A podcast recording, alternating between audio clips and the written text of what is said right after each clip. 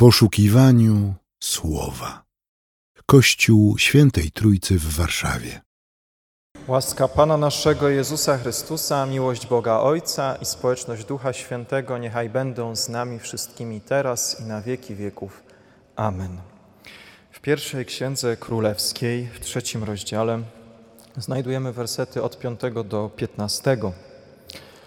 W Gibeonie nocą Pan ukazał się Salomonowi we śnie. Bóg powiedział: Proś, co mam ci dać.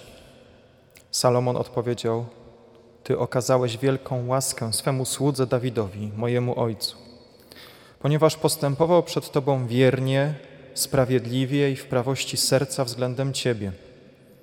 Zachowałeś dla niego i tę wielką łaskę, że dałeś mu syna, który zasiada na jego tronie, jak to jest dzisiaj. Tak więc, Panie, mój Boże, Ty uczyniłeś królem swego sługę po Dawidzie, moim ojcu. Ale ja jestem jeszcze bardzo młody i nie wiem, jak postępować. Twój sługa jest pośród Twojego ludu, którego wybrałeś, ludu wielkiego, którego nie można dokładnie zliczyć, bo jest bardzo liczny. Daj więc swemu słudze serce rozumne, aby sądził Twój lud i rozróżniał między dobrem a złem. Bo kto jest w stanie sądzić Twój lud tak potężny? Spodobało się Panu, że właśnie o to Salomon poprosił. I powiedział więc do niego: Ponieważ poprosiłeś właśnie o to, a nie prosiłeś dla siebie ani o długie lata, ani o bogactwo, ani też o zgubę nieprzyjaciół, lecz prosiłeś dla siebie o rozum, aby wydawać słuszne wyroki, dlatego spełniam Twoją prośbę.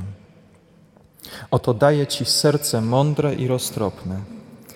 Takiego jak Ty nie było przed Tobą i po Tobie nie będzie takiego jak Ty. Dam Ci również to, o co mnie prosiłeś, zarówno bogactwo, jak i sławę.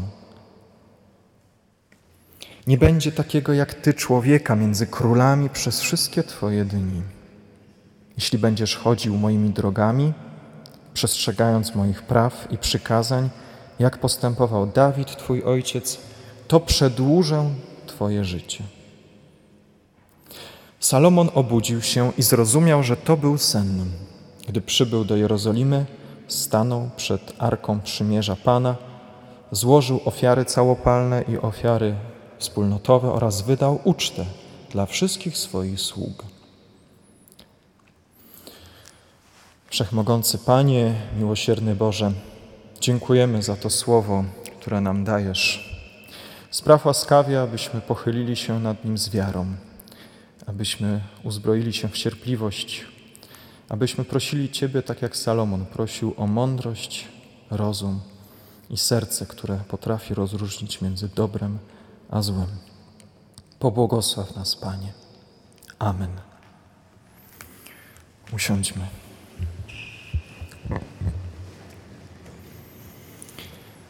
Drodzy, król Salomon jest jednym z najbardziej znanych królów Izraela. Odziedziczył po swoim ojcu, królu Dawidzie, ogromne królestwo.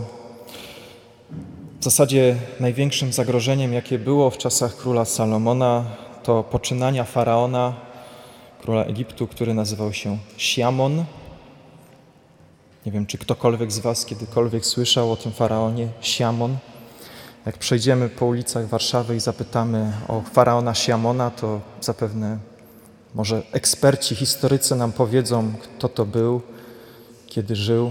Ale kiedy zapytamy o Salomona, o króla w sumie małego państewka, to każdy gdzieś tam będzie wiedzieć, kto to był, czym się wyróżniał. Dzisiaj każdy człowiek w naszej kulturze będzie wiedzieć, kto to jest Salomon. Znamy tę historię o jego prośbie, a także o dwóch kobietach, które przyszły, aby on rozsądził spór między nimi. Warto się na chwilę zastanowić. Właśnie dzisiaj Kościół daje nam taką okazję, abyśmy zastanowili się nad historią tego króla Salomona jakim przywódcą był Salomon, skoro znalazł się na kartach Biblii, skoro nawet jest autorem kilku ksiąg biblijnych, a nawet psalmów. Dlaczego do dzisiaj Salomon uchodzi za prawdopodobnie najmądrzejszego człowieka, jaki stąpał po ziemi?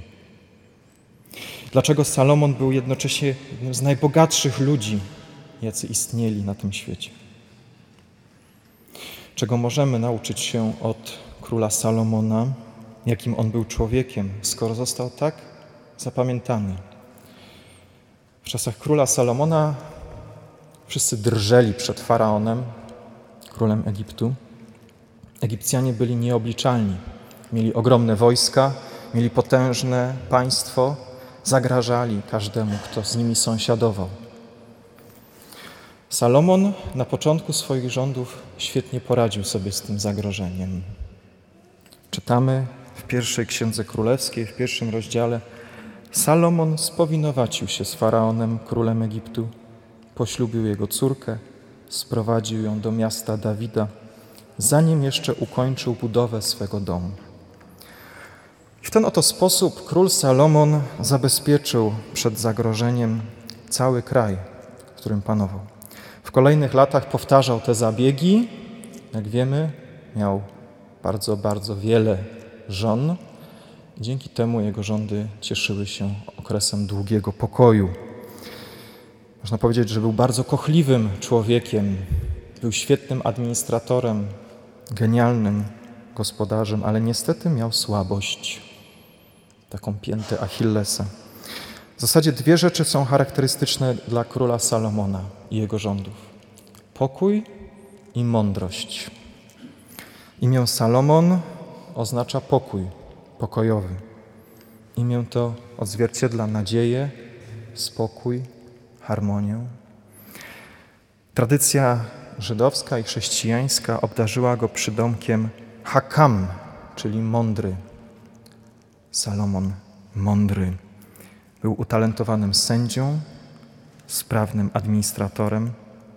Podobnie jak jego ojciec Dawid świetnie zarządzał państwem. Zawarł szereg sojuszy, całkowicie zreorganizował system zarządzania krajem. Salomon uchodzi do dzisiaj za jednego z najwybitniejszych liderów sprawiedliwego króla i to z powodu mianowicie następującego. Po pierwsze, Salomon był sprawiedliwy.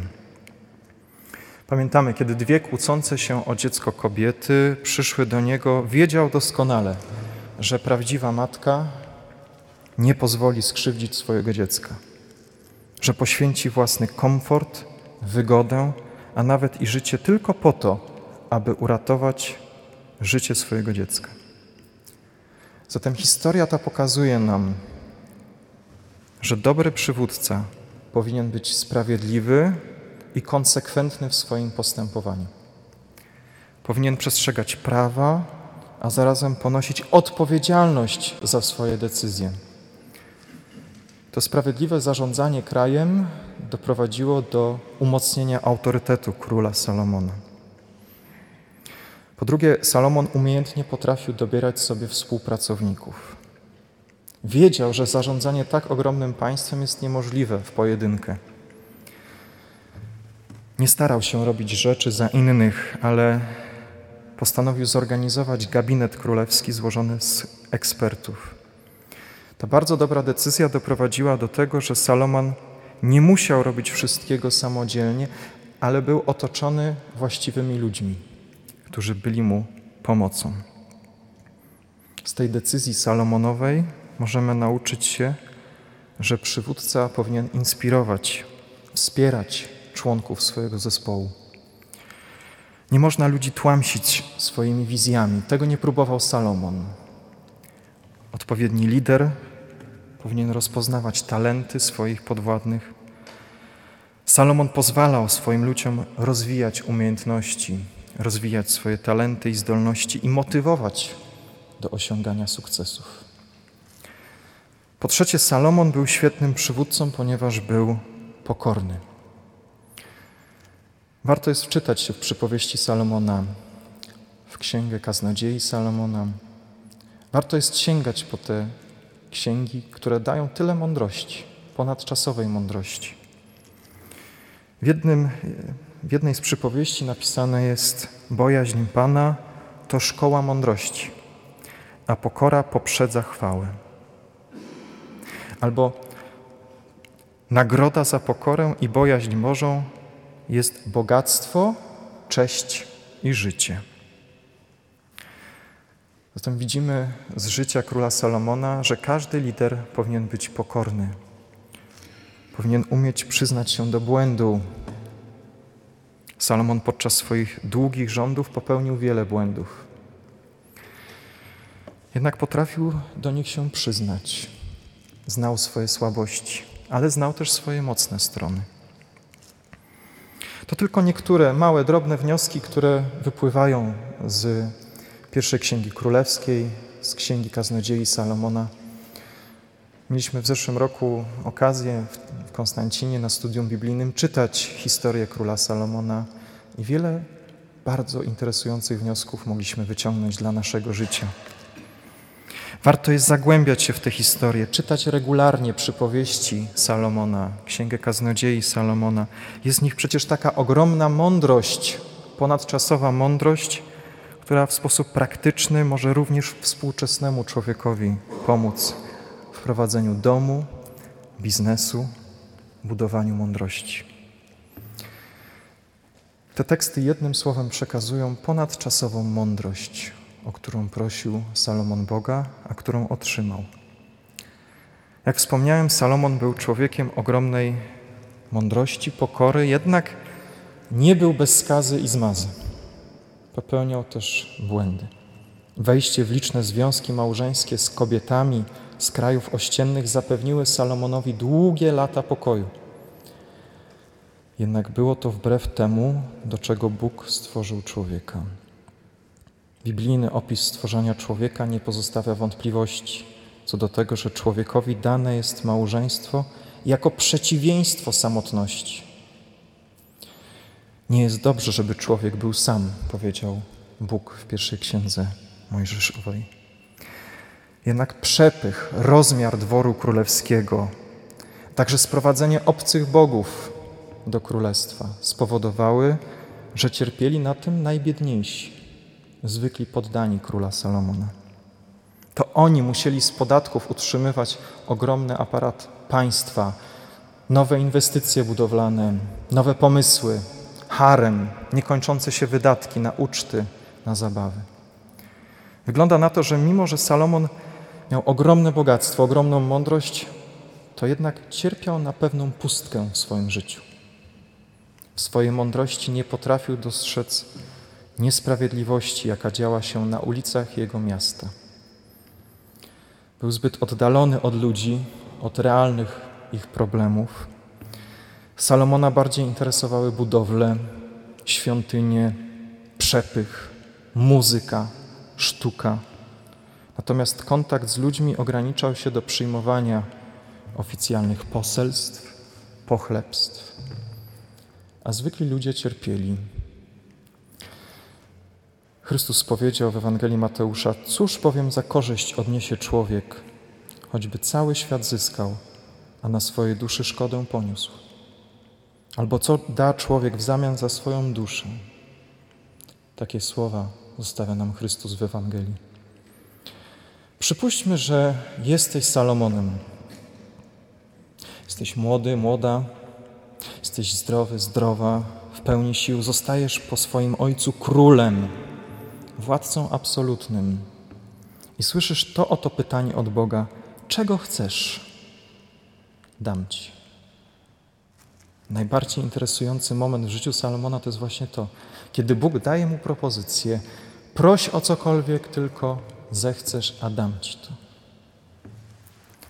Czego chcesz w swoim życiu? Czego ty byś sobie życzyła, czego ty byś sobie życzył, słysząc taką niezwykłą propozycję? Współcześnie każdy człowiek czegoś chce. Jedni chcą zrobić wspaniałą karierę, inni chcą zarobić masę kasy, ktoś chce kupić komfortowy, drogi samochód, wygodne, piękne mieszkanie, dom. Ktoś inny chce mieć piękną żonę, męża, rodzinę, dzieci, szczęśliwe i długie życie. Każdy do czegoś dąży. Każdy z nas czegoś w życiu pragnie. I oto taka propozycja. Proś o cokolwiek. Salomon był bardzo podobny do nas. No bo przecież żył w pięknym pałacu, miał ciepłą wodę. Owszem, nie było kranu ani nie było takich łazienek, jakie my znamy, ale Salomon miał ciepłą, zimną wodę na zawołanie. Kładł się w pięknych, białych szatach. Mógł się ubierać w piękne szaty. 99%, a nawet 9 ludzi w tamtych czasach nie mieli tego, co my mamy. Takiego komfortu, takiego życia. Jesteśmy uprzywilejowani. Nie każdy z nas na świecie obecnie żyjący ma to, co miał Salomon, ale przecież mamy tak wiele. A jednak nie doceniamy tego. Jednak brakuje nam tej wdzięczności za to, co mamy. Każdy z nas czegoś chce. Nie wiemy konkretnie, co to jest, ale w każdym z nas jest pewna pustka, której nie można wypełnić. Pewien człowiek chciał mieć kamper. Kupił go, zbierał na niego bardzo długo, w końcu go kupił. Raz pojechał na wakacje i uznał, no nie, to nie jest to. I kamper stoi i stoi. Inny człowiek kupił dom, zaczął się o niego martwić. Co kilka lat trzeba dbać o nieruchomość, o remonty. Okazał się dom za duży, nie można było go utrzymać. Salomon w swoim długim życiu w zasadzie miał wszystko, czego zapragnął. Miał wspaniały pałac, jego rządy to okres długiego pokoju. Czytamy w Biblii, że miał aż 700 żon, 300 nałożnic. Niektórzy złośliwi mówią, że to właśnie one doprowadziły go do nieszczęścia. Jednak nic nie dawało mu szczęścia. W zasadzie pod koniec swojego życia powiedział takie słowa: marność nad marnościami. Wszystko marność. Jego majątek był olbrzymi. Mógł sobie kupić wszystko, co wówczas było na świecie. Jego roczne dochody przekraczały wszelkie nasze wyobrażenia. Miał wszystko, czego zapragnął, a jednak mu czegoś w życiu brakowało. Miał pewną pustkę w swoim sercu. Czego Tobie brakuje w życiu? O co prosisz Boga we śnie, kiedy jesteś sam na sam z Bogiem? O co modlisz się do Niego w tym miejscu, w Kościele Świętej Trójcy albo w swoich myślach, gdziekolwiek jesteś? Czy prosisz Boga o długie życie, o bogactwo, o sukces taki czy inny? A może prosisz Go o naprawienie jakiejś złamanej relacji, o jakieś przebaczenie? Niezależnie od tego, o co prosimy, zastanów się, czy faktycznie tego pragniesz. Czy faktycznie to przyniesie Ci korzyść? Czy będziesz szczęśliwa, szczęśliwy, jeśli to otrzymasz? Co tak naprawdę ma wartość w życiu, się zastanawiał Salomon. Czy pieniądze, które podlegają inflacji? Czy sukces w pracy? Czy samochód, który zardzewieje albo się zepsuje i trzeba będzie wymienić i tak na nowy? Co tak naprawdę ma wartość dla Ciebie, ponadczasową, wieczną? Jak widać, warto jest prosić Boga, prosić z mądrością. Może właśnie o nią najpierw powinniśmy zabiegać o mądrość, o rozum. Jedna z przypowieści Salomona brzmi: Początkiem mądrości jest bojaźń Pana, a poznanie świętego to rozum. Amen. Przyjmijmy życzenie pokoju. A pokój Boży, który przewyższa wszelki rozum, tak niechaj strzeże serc naszych i myśli naszych w Panu naszym Jezusie Chrystusie ku żywotowi wiecznemu. Amen.